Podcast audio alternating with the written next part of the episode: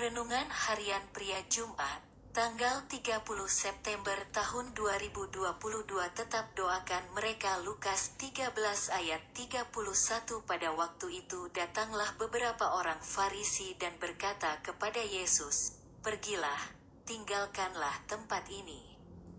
Karena Herodes hendak membunuh engkau. Seringkali ketika kita mendengar kata-kata orang-orang Farisi, kita langsung mengetahui bahwa mereka adalah orang-orang yang tidak percaya kepada Yesus dan mereka adalah orang-orang yang hanya menjalankan kegiatan agama saja tanpa mempunyai hubungan dengan Tuhan. Ya itu memang benar. Pada umumnya orang-orang Farisi adalah orang-orang yang menolak Yesus. Tetapi tidak semua orang-orang Farisi itu menolak Yesus. Karena melalui Lukas 13 ayat 31 ini, kita dapat mengetahui bahwa ada beberapa orang-orang Farisi yang peduli akan keselamatan Yesus dari niat jahat Raja Herodes. Mereka mengingatkan Yesus akan bahaya yang mengancam itu. Ada satu kebenaran yang dapat kita pelajari dari kisah beberapa orang Farisi yang peduli akan Yesus.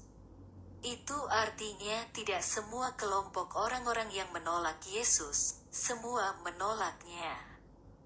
Pasti ada dari orang-orang itu yang mempunyai hati mengasihi Yesus. Misalnya, kita mengetahui ada kelompok-kelompok yang menolak Yesus dan bahkan sangat fanatik menentang Yesus. Kita harus percaya bahwa di dalam kelompok tersebut pasti ada orang-orang yang terbuka hatinya untuk Yesus.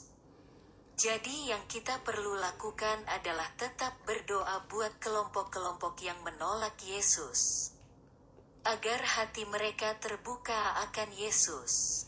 Tuhan sanggup menjamah hati-hati mereka untuk terbuka dan percaya kepada Yesus.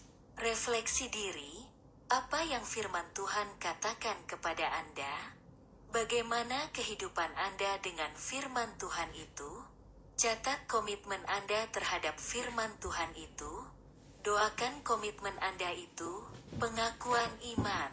Setiap hari saya berdoa bagi orang-orang yang menolak Yesus agar hati mereka terbuka untuk percaya kepada Yesus.